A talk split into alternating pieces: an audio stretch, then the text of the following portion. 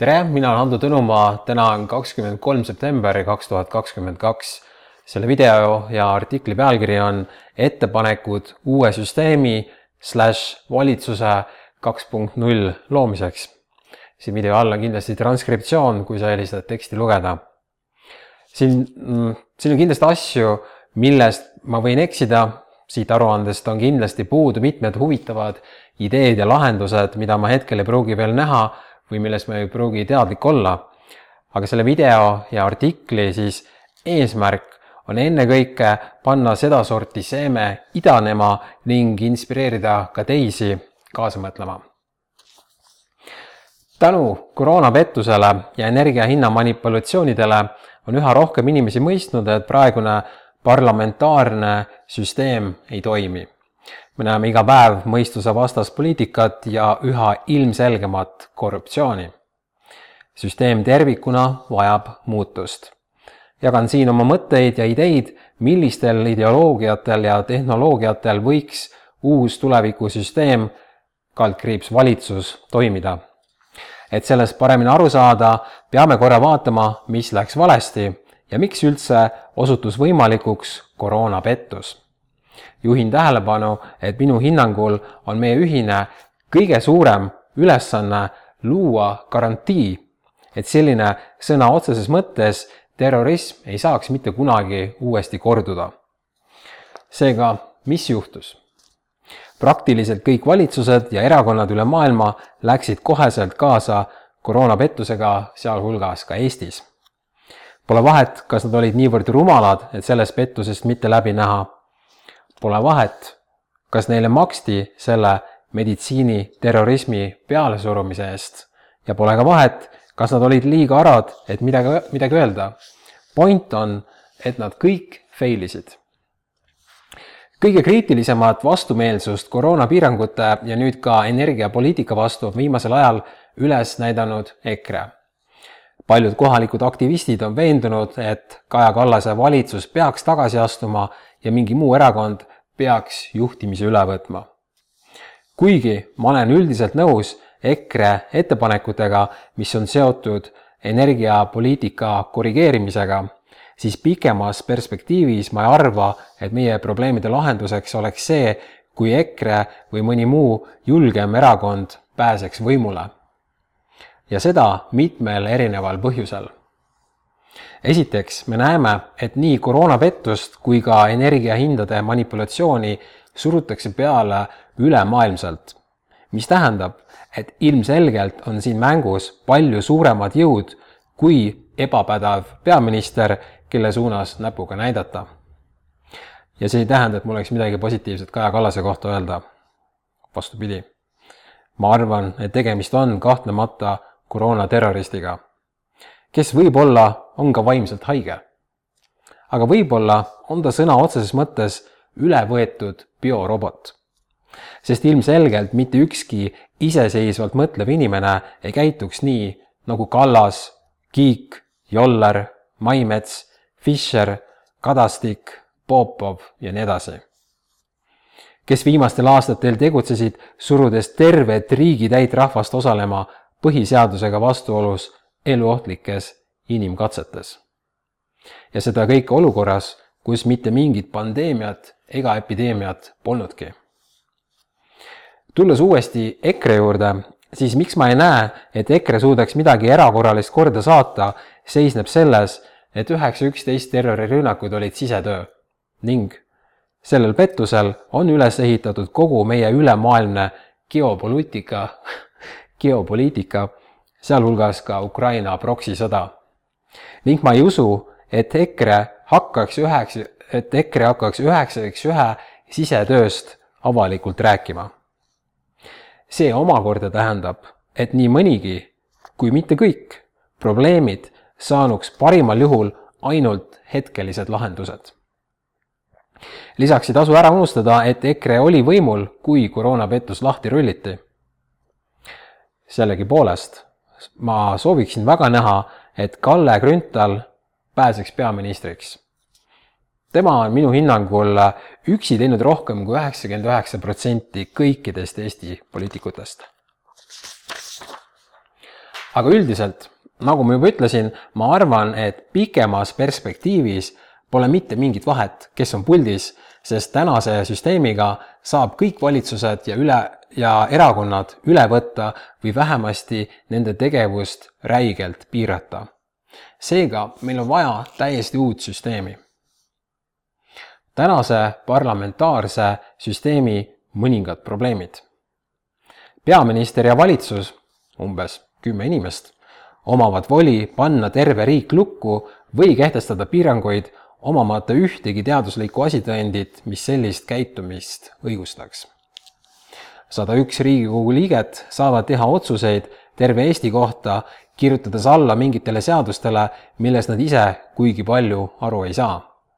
hea näide on niinimetatud politseiriigi seadus NETS, kus selguski, et enamus hääletajatest ei saanud isegi aru, millega on tegu sada üks Riigikogu liiget ei saa hääletada vastavalt südametunnistusele, vaid nad peavad seda tegema vastavalt erakonna poliitikale. sada, saja ühe riigikogulase töö on niivõrd lamp, et üldiselt käib seal kohal ainult kakskümmend kuni nelikümmend protsenti tegelastest. ja valijana, valijatena me ei saa hääletada oma lemmiku poolt, kui me ei ela temaga samas piirkonnas.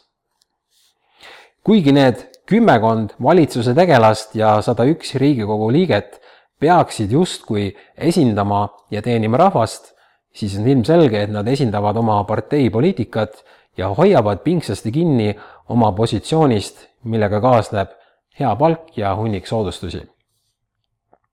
kokkulepitud normide kohaselt on nendel tegelastel võimalik nii-öelda pumba juures istuda terve elu, sarnaselt sellele, kuidas näiteks Putin on kogu aeg Venemaal pumba juures.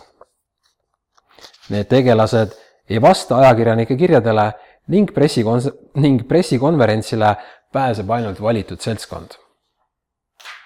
kõik eelpool välja toodud tegelased saavad tegutseda põhiseaduse vastaselt, seega põhiseadusest saab soovi korral teerulliga üle sõita. ning mõned koroonaga ilmsiks tulnud probleemid. lubatud on ainult üks tõde koroonaga kehtestati üks tõde ja muu info tsenseeriti, naeruvääristati ning mõndasid ajakirjanikke ei lubatud valitsuse pressikonverentsile. valitsusaparaadi juures tegutsevad tegelased vastavad kriitilistele küsimustele ainult palgatud advokaatide sekkumisel. ERR ja kõik peavoolumeedia kanalid edastasid hirmu ja valeuudiseid koroonast ja tsenseerisid muud infot. Facebook, Youtube ja nii edasi edastasid valeuudiseid ja tsenseerisid muud infot, sealhulgas ka Eesti kohalikku infot. reklaampindade firmad nagu JCDecaux, Clear Channel ja teised edastasid hirmu ja valeuudiseid koroonast.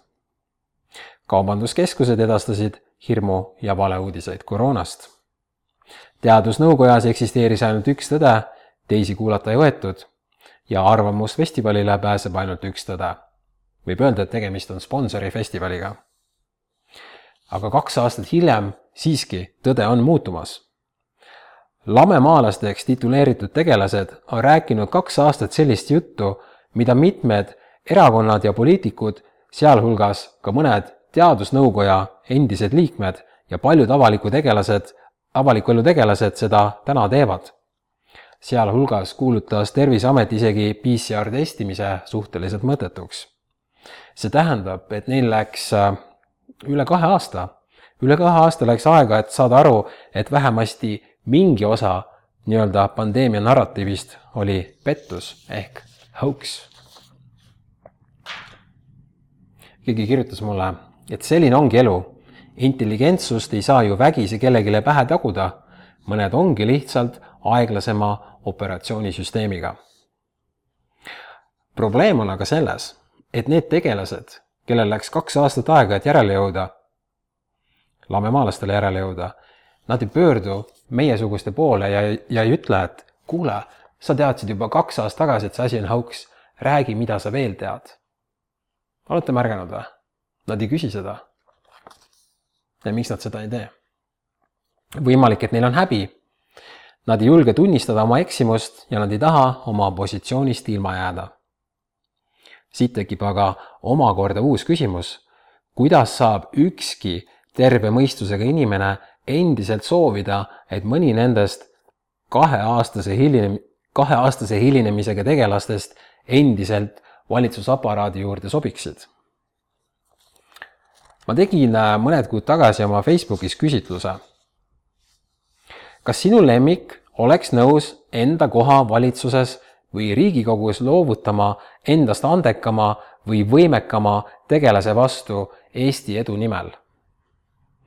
ma ei, ei olnud üllatunud, et vastuseks tuli sada protsenti ei. aga kui jutt oleks aktsiaseltsist ja kui sina oleksid aktsionär, siis kas sa tahaksid, et selles juhatuses oleksid kõige andekamad ja võimekamad inimesed? vastus on sada protsenti jah. See, see on lihtne näide. Või need kaks lihtsat näidet, see on kõige lihtsam tõestus, et tänane süsteem ei toimi. Ja kui kas või näiteks Kallas astuks tagasi ja asemele läheks näiteks EKRE, siis ma usun, et EKRE muidugi tänastes tingimustes lõpetaks kogu koroona nonsensi ja mängiks ka nii-öelda normaalsele, normaalsemat meloodiat äh, energiapoliitika teemal. aga probleem on selles, et millal iganes tuleb järgmine hoax, siis kuidas garanteerida seda, et kõik jälle sellega kaasa ei lähe tegelikult suudab ka Kaja Kallas kogu koroonajama tühistada ning elektrihinnad normaliseerida, kui ta ei näe enam muud varianti valitsuses jätkamiseks. seega, kui, kui keegi arvab, et, et äh, puterdan, seega, kui keegi arvab, et lahendus on see, et paneme teise erakonna pukki, siis see on parimal juhul ainult ajutine lahendus, kuid probleem ise jääb alles. sellepärast on ka igasuguste uute erakondade loomine täiesti mõttetu. keegi küsis minu Facebooki postituse all, et kas ma tahaksin minna ise mõne nende tegelaste asemele ja et kas ma arvan, et ma oleks mõnest neist andekam ja võimekam. minu vastus on, ma võiksin seda teha, aga ma ei pea. See, millele ma üritan siin hetkel rõhuda, on see, et me peaks looma süsteemi, mis peaks olema juba selline, et seal pumba juures ei olegi otsustajaid, otsustajaid ega valitsejaid, vaid seal on tegelased, kes oskavad lahti seletada teistele, mis toimub. milleks meil on vaja uusi seadusi ja mida need seadused endast ette kujutavad. sest päeva lõpuks peaks rahvas ise otsustama. Ja seda ilma igasuguste reklaamkampaaniate ja muud moodi manipulatsioonideta Need riigiaparaadi positsioonid peaksid olema sellised, et nendega ei kaasneks hüvesid. raha ja soodustused ei tohiks olla motivaatoriks sinna minekul. süsteem peaks olema selline, et kõigil on huvi seda kogu aeg paremaks timmida. see peaks olema selline süsteem, et kui see tüüp, kes seal on, eks ju, et kui tema ise tajub, et tema polegi kõige teravam pliiats siis peaks ta ise tahtma selle positsiooni loovutada, sest tema saaks otsest hüve siis, kui pumba juures on kõige teravamad tegelased. hetkel on kogu süsteem vastupidi. nagu ma ühel Toompeal peetud meeleavaldusel juba kunagi ütlesin, siis üks minu väga edukas sõber, multimiljonär, ütles, et mitte ükski tõeliselt edukas inimene ei soovi valitsusse ega Riigikogusse minna nende lollide keskele oma aega raiskama.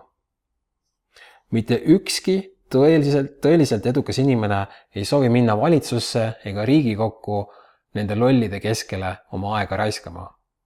ma arvan, et see on kõige olulisem asi, mis tuleks sellest videost või artiklist kaasa võtta.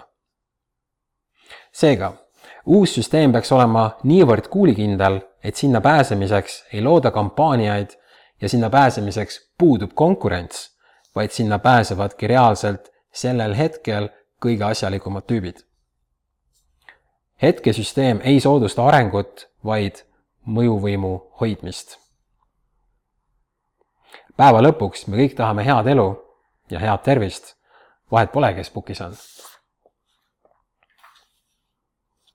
mõned küsimused, küsime iseendalt üheskoos.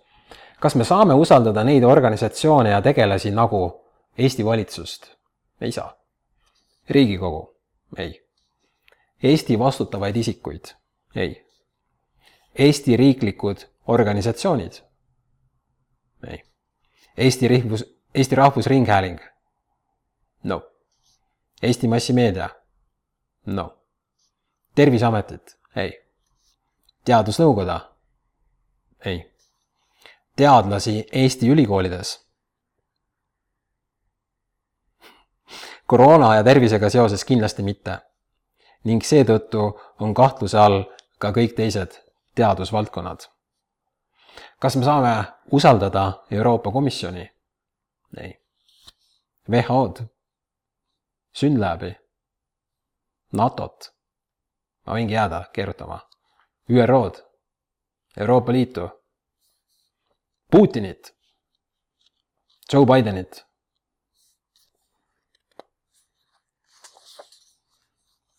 see süsteem on täitsa perses põhimõtteliselt. nii, nüüd lahendused ja ettepanekud. riigijuhtijatele peaks olema üks ametiaeg korraga, et vältida korruptsiooni ja huvide konflikte. riigijuhtijatele riigi keskmine palk. Ja see ei ole kommunism.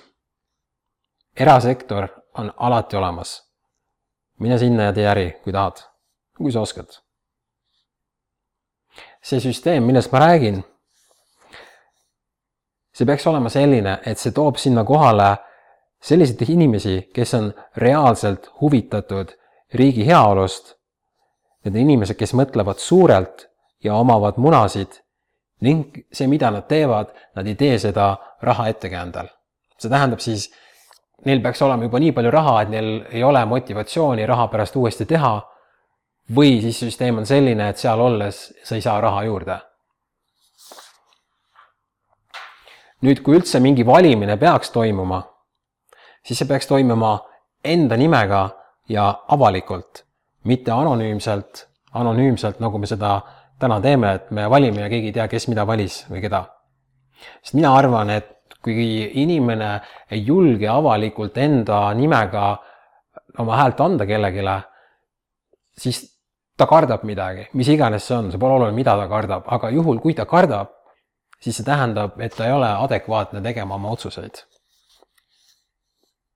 ma arvan, et valimine peaks käima plokiahela kaudu, sest nii ei saa tulemustega manipuleerida. samas muidugi, kui ta juba ongi avalik, siis ilmselt ka ei saa, aga noh, need on niisugused väiksed detailid, mida saab hiljem läbi mõelda. ma arvan, et kõik seadused ja riigi nimel tehtud otsused lepingud peaks olema rahvaga kooskõlastatud. see tähendab, et asi on korralikult lahti seletatud ja alles siis on hääletus.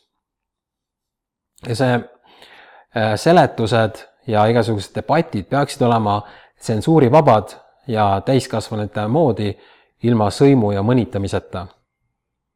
Ja kui selline asi võtab kaua aega, sest äkki ei jõuta üksmeelele saada, jõuda siis las võtab kaua aega, sest tegelikult meil ei ole kiiret. ja meil polnud kiiret ka koroonaga. mõtle, kui äh, kogu valitsus ja Riigikogu oleks kaks tuhat kakskümmend aasta jaanuaris läinuks kaheks aastaks sundpuhkusele. mõtle, kaks aastat, siis me oleks praegu palju paremas, riiklikult siis äh, palju paremas majanduslikus ja vaimses äh, seisundis kui see, kus me praegu oleme rahvas peaks saama esitada küsimusi ja pakkuda valitsusele välja soovitusi ning samuti ilmselt plokiahela kaudu, et seda, et infoga ei saaks manipuleerida ja igasugust kommentaaride kustutamine ei oleks ka noh, võimalik. viimase kahe ja poole aasta jooksul kulutas Eesti riik sadade miljonite väärtuses testimisele, mis on kõik maha visatud raha võrdluseks, väike riik El Salvador on aga viimase kahe aasta jooksul ostnud ligi kaks tuhat Bitcoini. no ja noh, kes on vähegi teemaga kursis, siis äh, nad teavad, et analüütikute hinnangul võib Bitcoini hind tõusta järgnevatel aastatel üle saja tuhande euro ühe Bitcoini kohta ja see on väga konservatiivne ennustus. mina Eesti riigi kodanikuna kindlasti ei poolda valitsuse koroonatestide ostmist, vaid ma eelistaksin samuti, et nad pigem ostaksid Bitcoini või kulda, kui neil seda raha seal üle on, eks ju. ja rahvas peaks saama ise hääletada, mis teemasid valitsus kajastab ja tutvustab mida vaja paremaks kohandada ja nii edasi. hetkeseisuga on nii, et äh, me tegime selle koroonapettusega seoses, äh, ma ei tea, äkki viis petitsiooni, millest ühel oli üle kümne tuhande allkirja, seal võis olla, ma ei tea, äkki isegi kakskümmend tuhat, ma ei mäleta enam aga need äh, topeltsüstitud ametnikud, kes meie petitsioone loevad, eks ju, need põhimõtteliselt lihtsalt naersid välja need. ja nüüd kaks aastat hiljem nad on enam-vähem samas olukorras, mis oli petitsiooni point, lõpetame piirangud ära, eks ju. ja et lapsi ei pea süstima ja seal oli veel igasuguseid. ja nüüd äh, pöörduks nüüd nende poliitikute poole, kes praegu on seal valitsuses või, või Riigikogus või ükskõik erakonnas, vahet ei ole, minu jaoks see kõik üks kamp nagunii, ma ei tee eriti neil vahet et kui mõni praegustest poliitikutest soovib riigisüsteemis jätkata, siis peab olema selleks paganama hea põhjus, et meie sellele heakskiidu annaksime. sest äh, kui sa ei saanud nagu fake asjast aru, et kogu see koroonavärk oli pettus, algusest peale oli pettus, see on, see on oluline asi, mida tuleb aru saada meil ei olnud mitte kunagi kas või natukene pandeemiat, meil ei olnud kas või natukene ohtu, kogu see asi oli algusest peale pettus. see ei olnud niimoodi, et reageeriti üle, vaid kogu asi oli hauks algusest peale. ehk siis need tüübid, kes seal nüüd valitsuses või seal kuskil parlamendis või Riigikogus on, eks ju, kui te ei saanud aru sellest fake asjast, siis miks me peaksime teie peale lootma ja sind usaldama, kui peaks päris oht tulema? mõelge nüüd nagu reaalselt, miks me peaks seda tegema? meil on vaja valitsusse loojaid ja tegijaid, kes mõtlevad kõrge lennuga. igasugused bürokraadid, tallalakkujad, lausdeviilikud ja vihmavarju hoidjad, teie aeg on möödas. lisaks nüüd oluline punkt. tasub märkida, et kõikide riikide aktivistid ehk nii-öelda lamemaalased, meiesugused, eks ju, et nemad seisavad silmitsi oma kodumaal täpselt samasuguste küsimustega. mida teha selleks, et garanteerida, et selline läbikukkumine nagu koroonapettus ei saaks mitte kunagi korduda? tähendab, me peaks kuidagimoodi koostööd tegema nende teiste lamemaalastega. me peaksime üle vaatama Eesti riigi osalused sellistes kahtlase väärtusega organisatsioonides nagu WHO, ÜRO, NATO, Euroopa Liit ja nii edasi, sest need süsteemid ei esinda demokraatiat selle kõige õigemas tähenduses. ja valitsuse ministrid oma positsioonidel ei esinda demokraatiat. Neid tegelasi pole mitte keegi sinna valinud rahva eest otsuseid tegema. Partei demokraatia aeg on läbi. me peame looma uue rohujuure tasandil rahvademokraatia praegu kõik. Thanks, et vaatasid, tšau.